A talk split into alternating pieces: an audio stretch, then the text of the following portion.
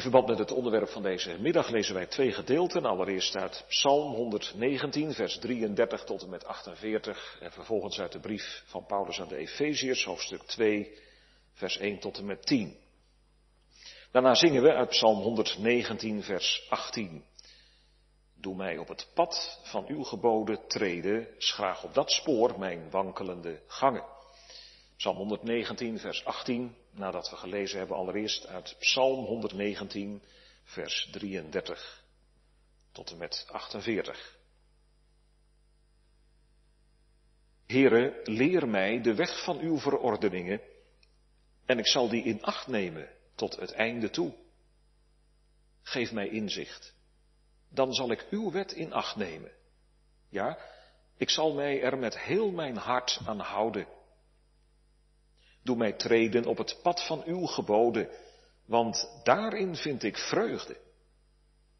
Neig mijn hart naar uw getuigenissen en niet naar winstbejag.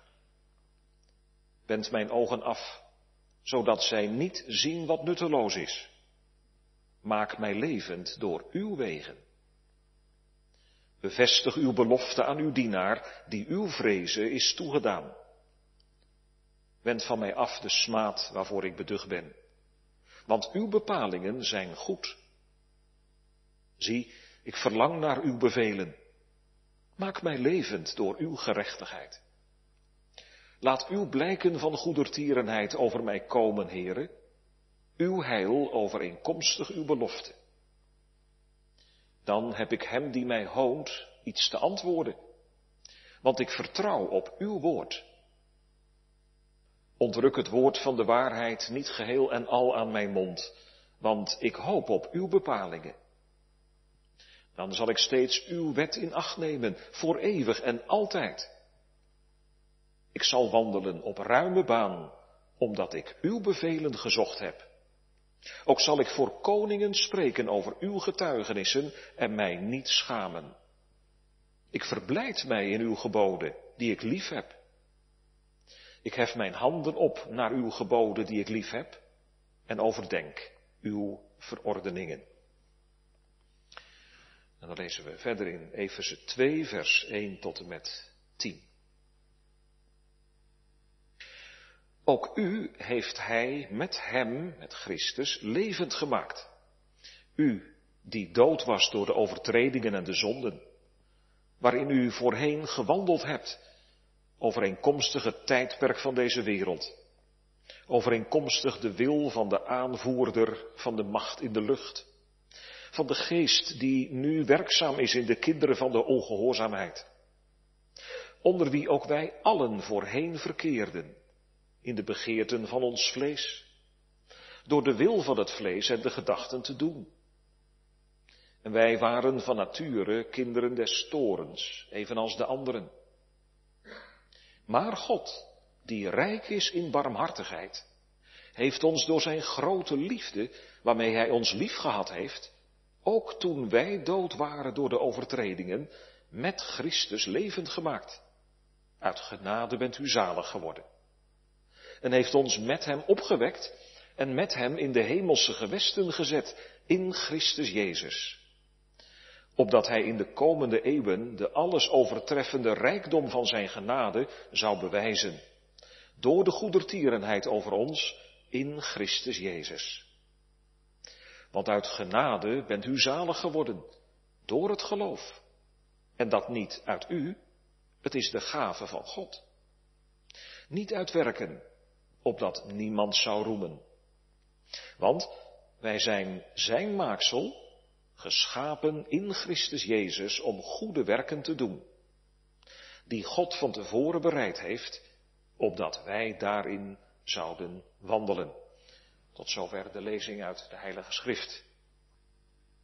We luisteren vanmiddag naar het onderwijs uit de Heidelbergse Catechismus uit zondag 33, vraag en antwoord 91.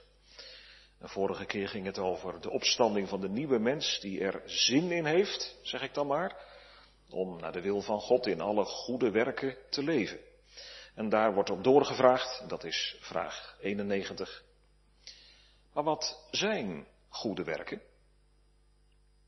Het antwoord luidt alleen die uit een waar geloof naar de wet van God alleen Hem ter eer geschieden en niet die op ons goeddunken of op menseninzettingen gegrond zijn. Tot zover. Gemeente heren, eh, jongens en meisjes, hebben u wel eens een chameleon gezien? Misschien op een filmpje of zo. Het bijzondere van dat diertje is dat hij zomaar van kleur kan veranderen. Zo van het ene moment op het andere, zo lijkt het wel. Zou het nou met een christen ook zo kunnen zijn dat hij het ene moment heel anders leeft dan het andere moment? Dat je bijvoorbeeld zegt, ja, zondags, dan ga ik naar de kerk of ik luister mee momenteel. Dan wil ik de Heeren dienen op zondag. Maar op maandag en op al die andere dagen van de week, dan leef ik heel anders. Dan doe ik net alsof ik zondags niet geluisterd heb naar het woord van God. Dan ziet mijn leven er heel anders uit. Zou dat kunnen? Wat denk je? Nou, ik denk het niet. Als je de Heer werkelijk lief hebt, dan wil je ook graag doen wat Hij van je vraagt. Een christen, gemeente, kan dus niet een soort dubbel leven leiden. Bij de echte bekering hoort ook dat je het goede gaat doen. Niemand wordt behouden op grond van goede werken. Daar is de catechismus heel duidelijk over op grond van de Bijbel. Dat hebben we verschillende keren gezien. En tegelijkertijd kun je op basis van de Bijbel ook zeggen, geen mens wordt behouden zonder goede werken. Goede werken niet als grond voor je behoud, maar juist als vrucht van het reddende werk van de Heer in je leven. Ze horen er dus helemaal bij. Maar wat zijn nu eigenlijk goede werken? De Heere bepaalt wat goede werken zijn. Die werken waartoe Hij zijn kinderen roept. Het thema van de bediening van het woord vanmiddag is de goede werken. En we staan stil bij de bron, de maatstaf en het doel. Dus de goede werken, de bron, de maatstaf en het doel. Het behoort bij de opstanding van de nieuwe mens dat hij een hartelijke lust, verlangen en liefde heeft om naar de wil van God in alle goede werken te leven. En als vanzelf komt dan de vraag op, maar wat zijn dat dan? Goede werken. Wij zijn als protestanten wel eens een beetje kopschuw voor dat woord. Hè? Wij denken al heel gauw aan Roomse smetten. En toch is dat niet terecht, want de Bijbel spreekt er op tal van plaatsen over. Om maar twee voorbeelden te noemen. De Heer Jezus zegt het zelf heel nadrukkelijk. Laat uw licht zo schijnen voor de mensen dat zij uw goede werken mogen zien en uw Vader die in de hemel is verheerlijken. Of denk aan het gedeelte dat we als tweede eh, vanmiddag met elkaar hebben gelezen, Efeze 2, vers 10. Want wij zijn zijn maaksel, geschapen in Christus Jezus om goede werken te doen. Die God van tevoren bereid heeft, opdat wij daarin zouden wandelen. Het is niet overbodig, gemeente, om op te merken dat goede werken niet alleen maar daden van barmhartigheid zijn. Nee, het gaat om heel onze levenswandel, zoals die naar Gods bedoeling behoort te zijn. Een wandel in het spoor van Gods geboden, over de volle breedte. Het gaat dus, om het even concreet te maken, het gaat dus niet alleen maar om het bezoeken van weduwen, het verzorgen van zieken, het helpen bij rampen, om het werk onder verslaafden, daklozen enzovoort. Zeker, ook die vormen van dienende liefde horen er natuurlijk helemaal bij. Maar het is tegelijkertijd veel meer. Elk van Gods kinderen, waar hij of zij ook maar geplaatst is in dit leven, is geroepen om goede werken te doen. Kijk, als het nu alleen maar ging om die daden van barmhartigheid, zoals ik die zojuist even noemde, wat zou dan een zieke moeten, die elke dag op bed ligt? Of wat zou een, een moeder moeten die de handen vol heeft om, om haar kinderen groot te brengen? Het gaat dus in die goede werken dus voor alles om, om onze hele levensopenbaring, onze levensroeping. Om elke op eigen plekje goede werken te doen, vrucht te dragen voor de Heer. Wel, als het dan gaat om die vraag wat nu goede werken zijn, dan wijst de catechismus eerst op de bron. Het zijn die werken die alleen uit een waar geloof geschieden. Wel, geloof is dat dan? Wel, dat is kort gezegd dat geloof dat je in de Heer Jezus inplant. Dat je verbonden doet zijn aan Hem, waardoor je één wordt met Hem en al Zijn weldaden aanneemt. Dus dat geloof dat, dat wortelt in Christus en dat leeft uit Hem. De bron, zo kun je dat ook zeggen, is dus ten diepste Christus en Zijn werk. Zijn werk is het goede werk bij uitstek. Want hij heeft altijd de wil van zijn vader gedaan. Hij kon dat zeggen, ik zoek niet mijn wil, maar de wil van de vader die mij gezonden heeft. Hij draagt Gods heilige wet in zijn hart. Om goede werken te kunnen doen, hebben wij dus feitelijk maar één ding te doen. Bij Hem zijn en bij Hem blijven. Ons aan Hem houden. En als wij dat doen, dan worden wij door Gods geest als vanzelf achter Hem aangetrokken. Om in Zijn voetspoor te gaan. In oprechtheid, waarheid, zelfverloochening, liefde, reinheid, vrijgevigheid, geduld, matigheid, zachtmoedigheid, blijdschap enzovoort. Zeker, dan is het hier nog niet zoals het zou moeten zijn, maar als wij zo in Hem zijn en blijven, dan worden ook onze overgebleven zonden en zwakheden door Zijn bloed bedekt. Bij die goede werken gemeente, dat is heel belangrijk om dat te zien, gaat het er dus niet om om zelf iets te presteren, maar vanuit de Heer Jezus te ontvangen. En zoals dat zo prachtig staat in Efeze 2 vers 10, God heeft die goede werken van tevoren bereid, opdat wij daarin zouden wandelen. Dus je kunt dat vergelijken met een tuin, laten we maar zeggen dat het de hof van Christus is, waarin je zijn vruchten mag plukken. Ja, en dan zijn ze er ook. Overvloedig zelfs. Dat heeft de heiland gezegd.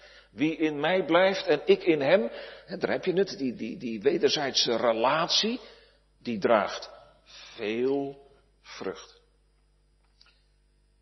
Even een voorbeeld dat onze kinderen ook kunnen begrijpen. Stel je voor even een, een, een boer, een landbouwer.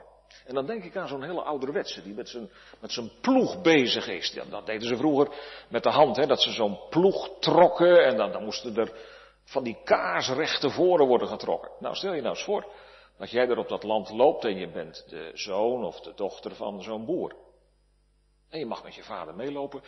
En dat je op een gegeven moment tegen je vader zegt, pa, mag ik die ploeg ook eens vasthouden? Mag ik ook eens ploegen? Ja hoor, kom maar, zegt je vader. En dan ga jij die ploeg vasthouden. En dan ga je ploegen. Maar weet je wat er ondertussen gebeurt? Jouw vader houdt jouw hand vast. En zo ga je ploegen. Kijk eens achter je. Prachtige rechte voren. Het gaat goed. Goed gedaan, zegt je vader. Compliment.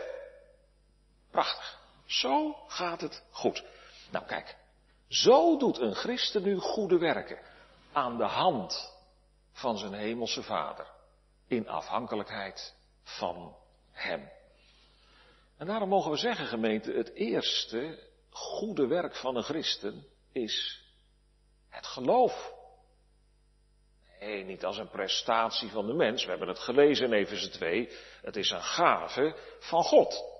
Zoals de Heer Jezus het ook gezegd heeft. Dit is het werk van God dat u gelooft in Hem. Het echte geloof is hangen aan de Heer Jezus. Leven van wat Hij geeft. Altijd weer naar die bron gaan. Om daaruit te drinken. Gemeente, ligt hier niet het grote manco in het leven van menig mens die zich christen noemt, die zo weinig vrucht draagt? Zit het misschien juist hier voor jou of voor u op vast? Zie je die goede werken misschien veel te veel als de verrichtingen van een wedergeboren mens op zich. Dan zit je op een doodspoor. Want als je niet dagelijks die, die gemeenschap met de Heer Jezus zoekt en denkt van nou ja, maar ik ben een gelovige, dus lukt wel. Nee, maar als je niet dagelijks die gemeenschap met Hem zoekt, dan lukt het dus niet. Dan kunnen we nooit in zijn sporen treden. Wij kunnen er ook geen verontschuldigingen voor aanvoeren door bijvoorbeeld te zeggen, nou ja, goed, een mens blijft toch altijd maar een mens, niet waar, en je komt toch ook niet verder. de rust vanuit het evangelie een heilige plicht op iedere christen om goede werken te doen. Ieder, zegt de Bijbel, ieder die de naam van Christus noemt, laat hij zich verhouden van de ongerechtigheid. Uit het geloof, zo alleen. De Bijbel is daar ook heel radicaal in. Al wat uit het geloof niet is, is zonde, zegt de Bijbel. Wat uit een vergiftigde bron komt, hoe mooi het misschien uiterlijk ook lijkt, dat is troebel. En andersom, alles wat uit de goede bron voortkomt, ook al mankeert er voor je gevoel nog zoveel aan, is toch in Gods ogen goed. Wat uit Christus komt, wat dus vrucht is van zijn werk, dat is ook in zijn ogen goed. En het is waar, daar zitten vaak nog van die vreemde en verkeerde bijmengsels bij. Helaas. Wij werpen er zo vaak een smet op, kinderen van de Heer. De oude mens speelt zo op en laat zijn invloed gelden. En daarom heb je de dagelijkse reiniging door het bloed van de Heer Jezus ook zo nodig.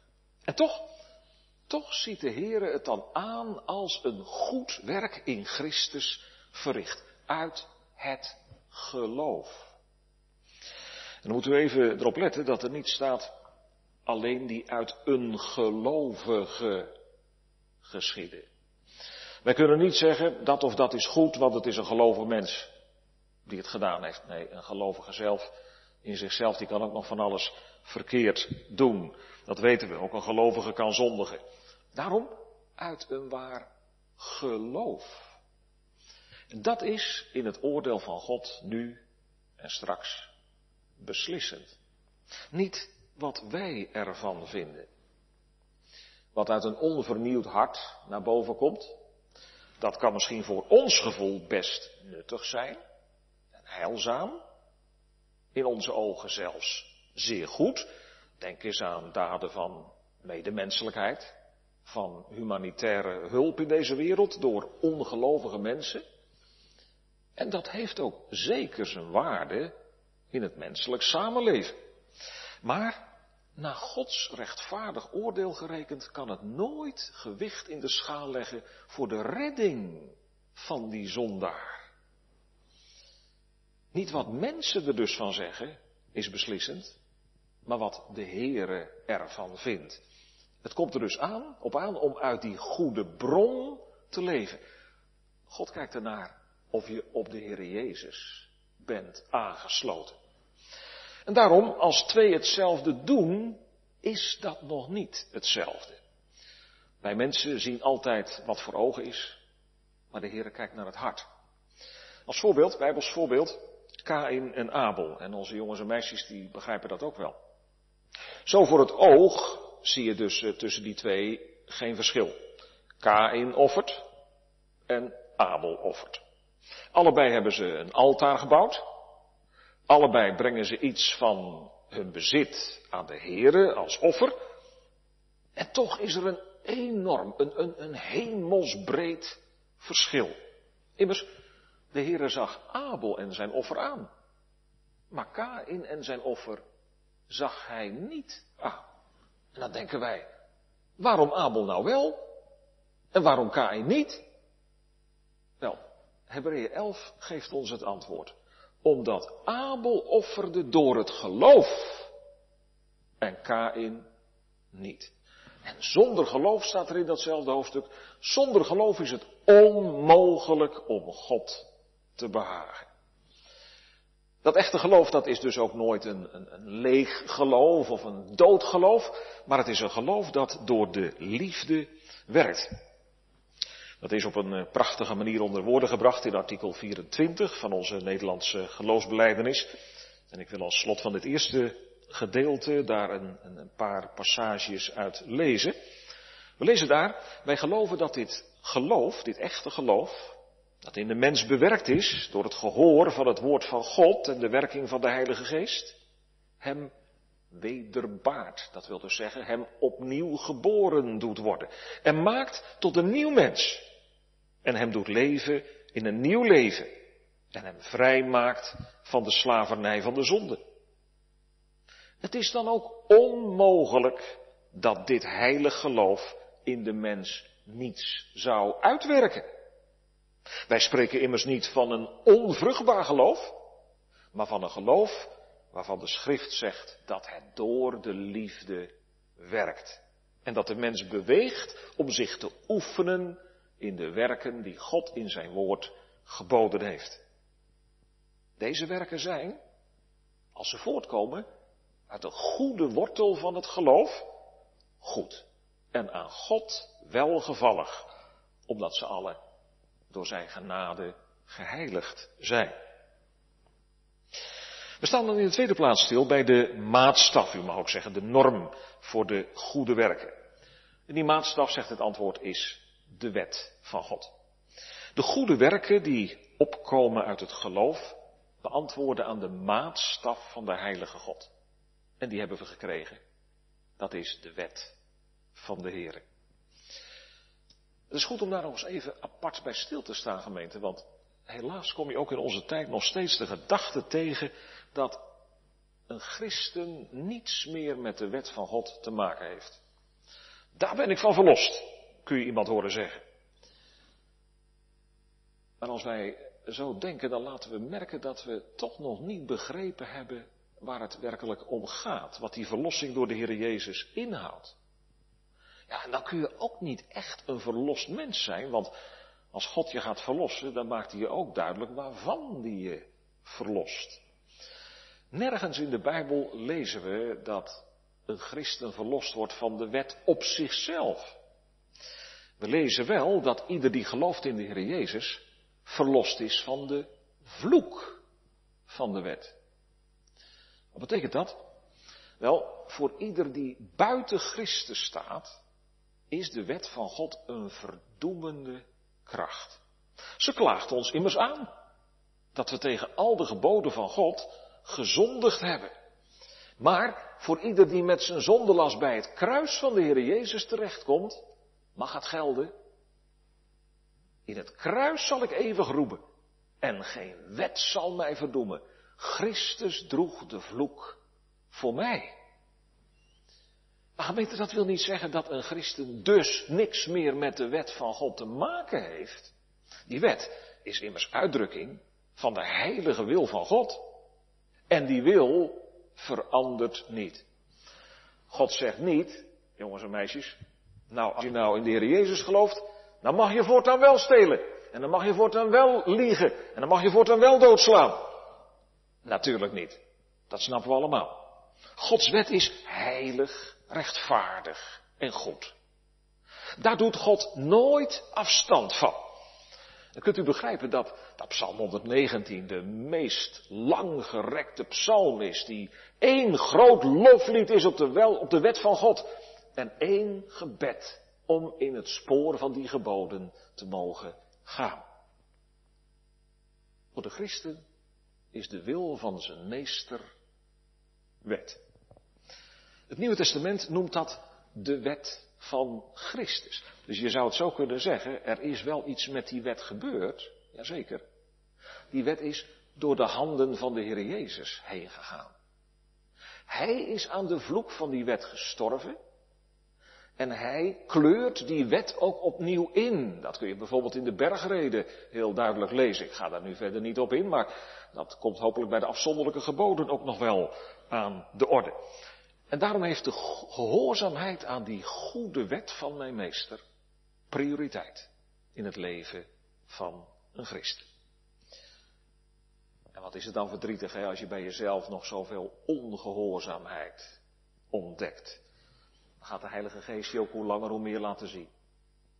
Hoe verder ik kom op de weg van de bekering, hoe meer ik dat ontdek. Hij laat me de bron zien, mijn eigen hart. Daar zitten nog zoveel schuilhoeken in waarin ik allerlei vormen van kwaad probeer weg te stoppen. We gaan de waarheid ontdekken van wat Paulus zei toen hij al lang tot bekering was gekomen. Wij weten dat de wet geestelijk is. Maar ik ben vleeselijk, verkocht onder de zonde. Wie zegt dat? De, de onbekeerde Paulus? Nee, de bekeerde Paulus.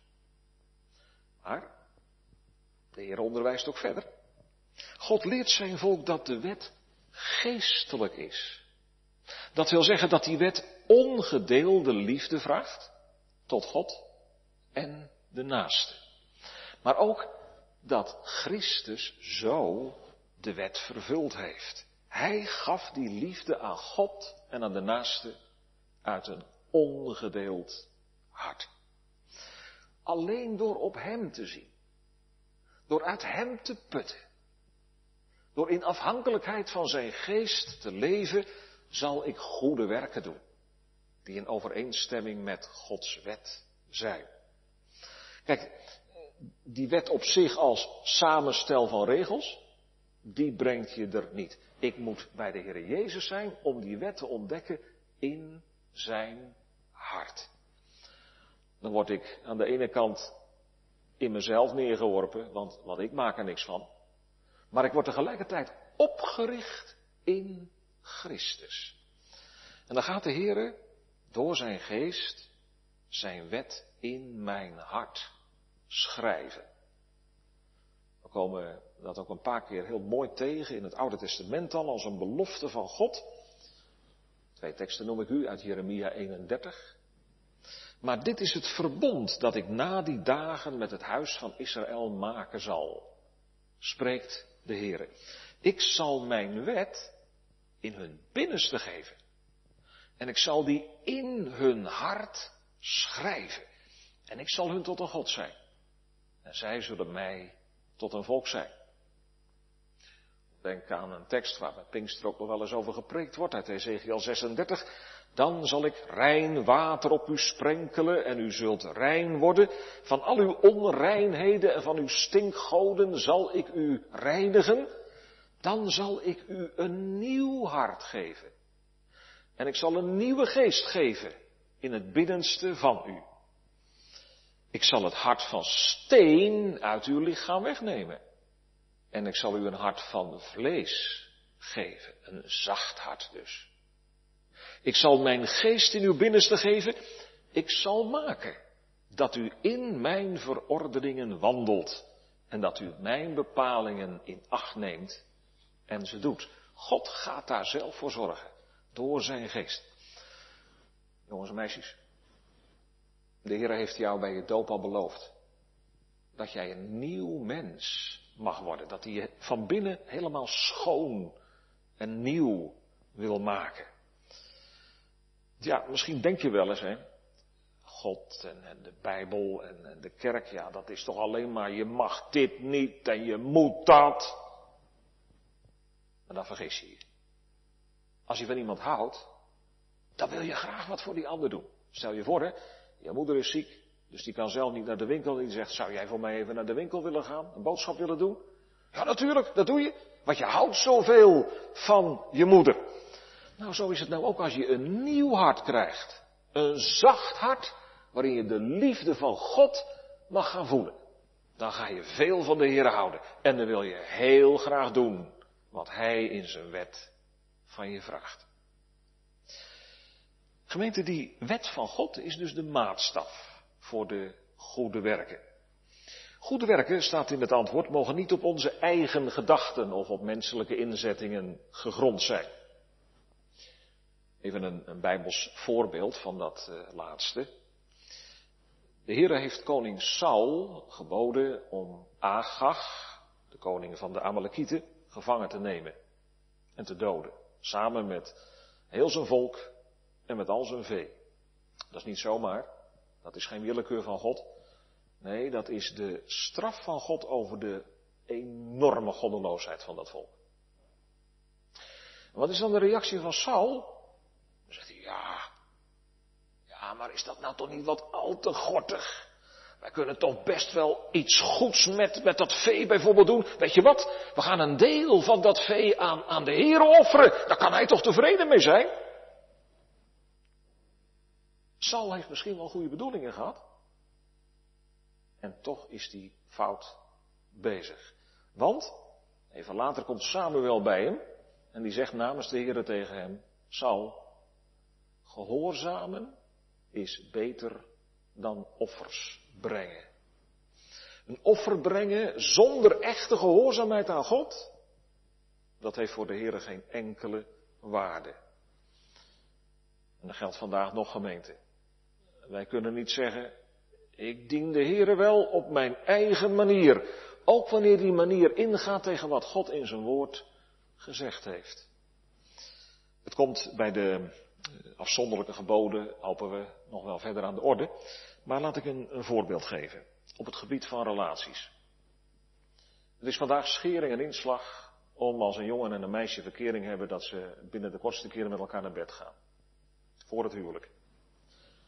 Terwijl de Bijbel er heel duidelijk over is dat dat zonde voor God is. Maar wat hoor je dan vaak? Ja, kom op. We leven nu in de 21ste eeuw. En ik ben best wel christen hoor, dat wil ik best wel zijn. Maar dan wel op mijn eigen manier. Ik denk er op dit punt gewoon een beetje anders over. Ja, dan denken we dus de Heer te kunnen dienen op een manier die tegen zijn woord ingaat. Terwijl de Heer Jezus juist zegt, als iemand mij lief heeft, neemt hij mijn geboden in acht. Of, ander voorbeeld. Ik vind dat ik best wel eens een leugentje kan gebruiken. Als ik daarmee de zaak kan redden. En och, ja, God weet toch ook wel dat ik een zondaar ben en dat vergeeft hij vast wel weer. Kijk, weer hè, zo'n eigen invulling. En niet de vraag, Wat wilt u dat ik doen zal? En dat is nou juist de vraag die je in de echte bekering leert. Gods wet is dus de maatstaf. En niet mijn eigen geweten. Want laten we niet vergeten, gemeente, dat door de zonde ook ons eigen geweten geen zuiver kompas meer is. Ook ons geweten moet steeds opnieuw afgestemd worden op de maatstaf van Gods wet. En ook ons gevoel. Misschien komt dat in, in onze tijd nog wel dichterbij. Ik voel het zo, zegt iemand. En dat is het laatste woord dan, hè? En niet. Zo zegt de Heer. En daaraan heb ik mij te houden. Ook als dat tegen mijn eigen gevoel ingaat. Ja, ik mag zelfs vragen, heren, wilt u ook mijn gevoel afstemmen op de maatstaf van uw wet? Wat aan die wet beantwoordt, vanuit een motivatie van de liefde, dat is goed in Gods ogen. Al het andere is zonde. Dan het laatste. Het doel van de goede werken. Werken die alleen Hem ter eer geschieden.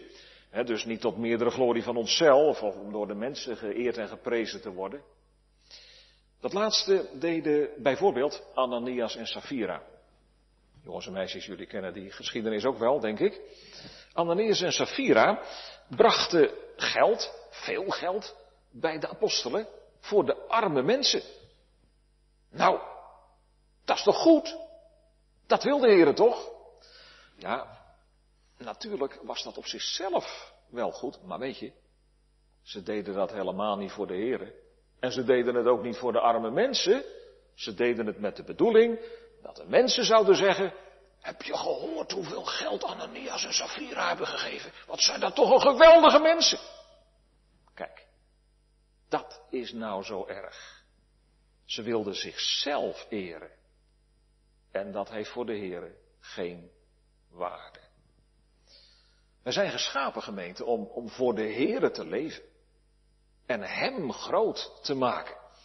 En nu wij dat doel door onze zonde uit het oog hebben verloren, moeten we eerst tot dat doel herschapen. Opnieuw geboren worden. Een hoog doel is dat. God dienen, niet om wat Hij mij geeft, maar om wie Hij is. Een, een heilig doel ook. Alles wat daaraan niet beantwoordt, dat wil je zo graag vermijden, want het verdraagt zich niet met zijn eer. Een bezielend doel ook. Het prikkelt mij positief in alles de heilige en barmhartige God te behagen. Al wat we doen, te doen tot zijn eer. Hem groot maken, hem prijzen, voor hem te leven, voor hem te werken, voor hem te strijden, Voor hem te lijden. Voor hem vervolgd te worden en zelfs als het moet te sterven. Zoals zoveel christenen al hebben meegemaakt. Als hij maar wordt groot gemaakt. Zoals Paulus dat zo verwoordde, dat Christus zal worden groot gemaakt in mijn lichaam. Het zij door het leven, het zij door de dood. Gemeente, dat is nou restloze overgave aan de Heer. Nou, dan hebt u dit allemaal gehoord, hè? En dan zou ik me kunnen voorstellen dat er iemand is die, die voor zichzelf denkt, als dit nou de bron en de maatstaf en het doel van de goede werken is, ja, blijft er dan nog wel één goed werk over? Want, om het nog maar eventjes te noemen, als het niet uit geloof is, is het zonde, zegt de Bijbel. Als het niet naar de wet van God is, is het zonde. Als het niet tot eer van God is, is het zonde. Dan, dan hou je toch alleen maar schuld over. Ja, gemeente, dan ga ik met mijn eigen bekering, wat ik er maar voor houden wil, omver. Dan maar stoppen. Zullen we die vragen zonder ogen zien? Dan maar stoppen.